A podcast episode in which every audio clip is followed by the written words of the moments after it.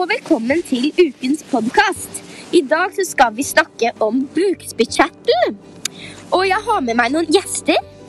Så i dag har jeg med meg Lise, doktoren. Hallo? Og så har jeg med spesialisten på bukspyttkjertelen, Leona. Hallo. Og så har jeg med legen Laura.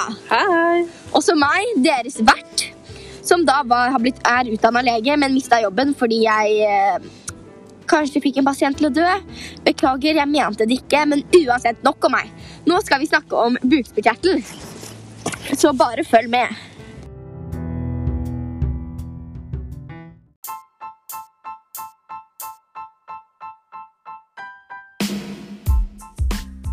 Så da skal jeg starte da med selve organet, da, bukspyttkjertelen. Og bukspyttkjertelen er jo et organ i kroppen vår, og den har ganske mange oppgaver. Eh, Den produserer noe som heter bukspytt, som hjelper med å bryte ned maten vi spiser og gjøre det om til næringsstoffer. Og da kan næringsstoffene bli kjørt rundt i blodet vårt, da, så vi får energi. Eh, Og i tillegg til å produsere bukspytt, så produserer kroppen vår hormonet insulin. Og insulin er eh, Insulin åpner sukkerrørene våre. Og det vil si at, at insulin hjelper dro, druesukkermolekylet. For for, eh, fordi druesukkermolekylet er for stort for å komme seg gjennom eh, døren da. Eh, selv. da. Så druesukker er, er, druesukker er den viktigste energikilden vi har. Og hvis vi ikke har insulin, så klarer jo ikke druesukker å komme seg inn døren. Og da må, eh, Det er derfor insulin hjelper med å åpne døren. Eh, og eh, uansett hvor lite, lite sukker vi spiser, så klarer ikke druesukker å komme seg inn i cellen uansett. Alene. Uten hjelp.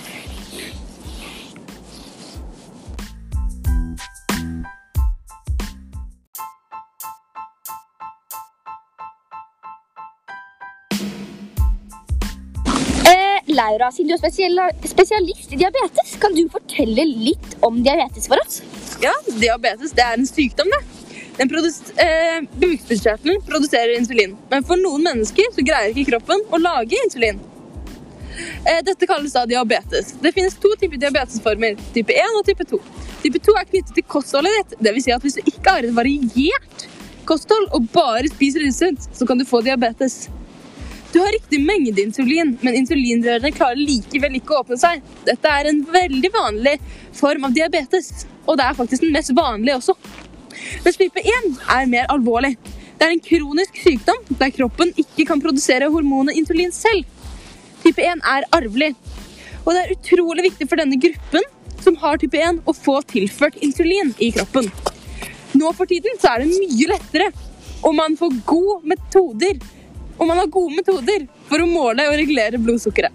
Hvis man ikke har insulin, eh, blir blodsukkeret for høyt, og da må man selv tilføre insulin i kroppen. Man kan bruke sprøyter med insulin. Nålen er sjelden lenger enn 1 cm fordi at man stikker den i magen eller låret. Noen symptomer på diabetes er vann, vannlating, tørste, vektskap, vekttap og nedsatt allmenntilstand.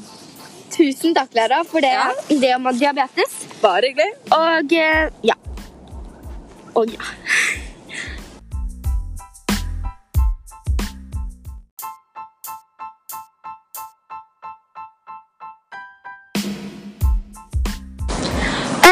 Leona, kan du fortelle litt om kreft i bukspyttkjertelen? Det kan jeg selvfølgelig gjøre. Kreft i da bukspyttkjertelen utgjør rundt 2% av alle krefttilfeller, og rundt 5% av alle dødsfall er da pga. kreft. Eh, årlig stilles denne diagnosen hos rundt 900 personer her i Norge, noe som er veldig trist. Ja, det er ekstremt trist. Forekomsten øker med økende alder og er hyppigst i omkring 70-årsalderen.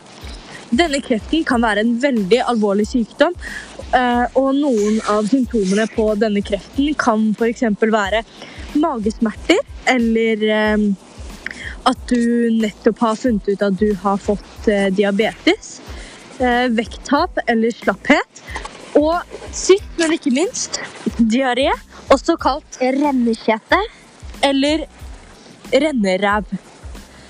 Men det Sånn er det.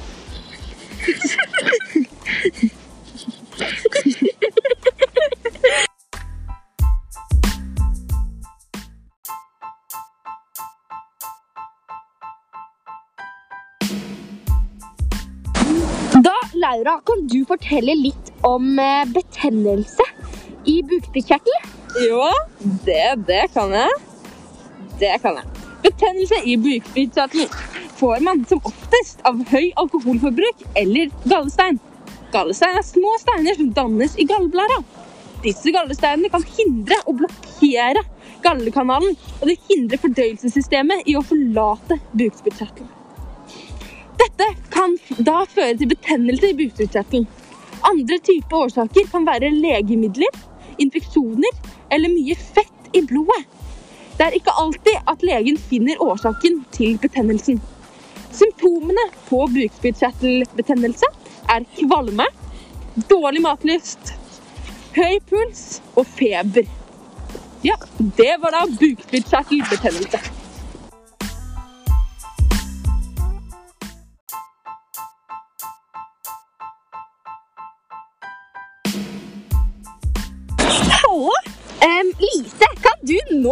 Fortelle litt om selv... eh, kan du fortelle litt om insulin?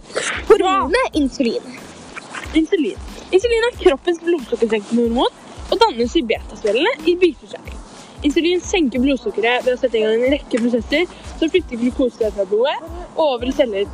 Insulin ble ikke funnet som en livreddende behandling mot diabetes type 1 før i 1921. Eh,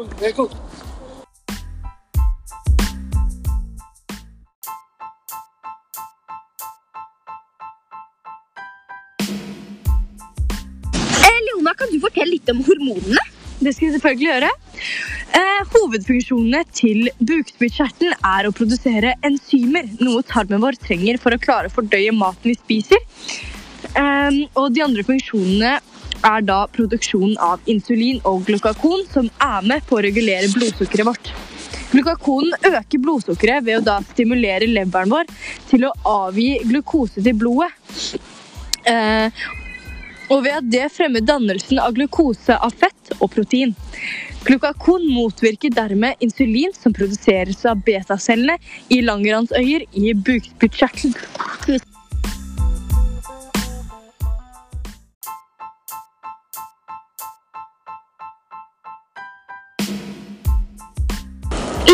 Kan du fortelle litt om koblingen til nervesystemet? Ja, um, For at bukspyttkjertelen skal slippe ut bukspytt, sender hjernen nervesignaler til bukspyttkjertelen.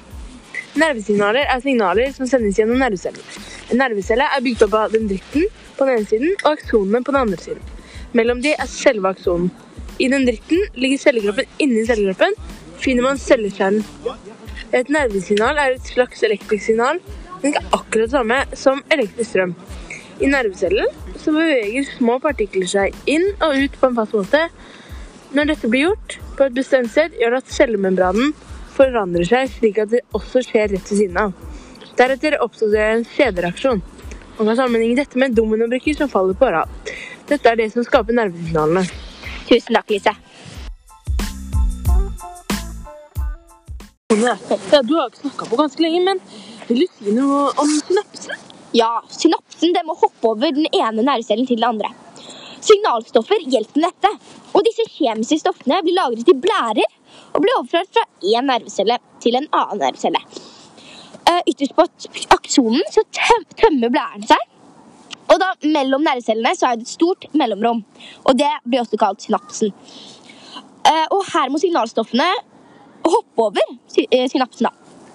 Det ligger små mottakere på starten av nervecellene, og hver av de signalstoffene passer til én mottaker hver.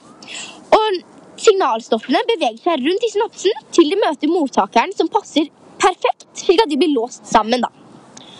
Eh, man kan sammenligne dette her med en puttekasse som baby leker med. Eh, der passer bare firkantene med firkantene og sirklene passer bare med sirklene.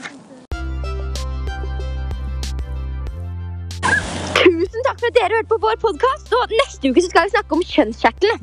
Og så må vi også få en stor applaus til gjestene som var med. Da har vi da Lise, Å, ja, ja, tusen takk. Leona og Laura. Så tusen takk til alle sammen som så på, og håper dere får en fin uke videre. Ha det bra!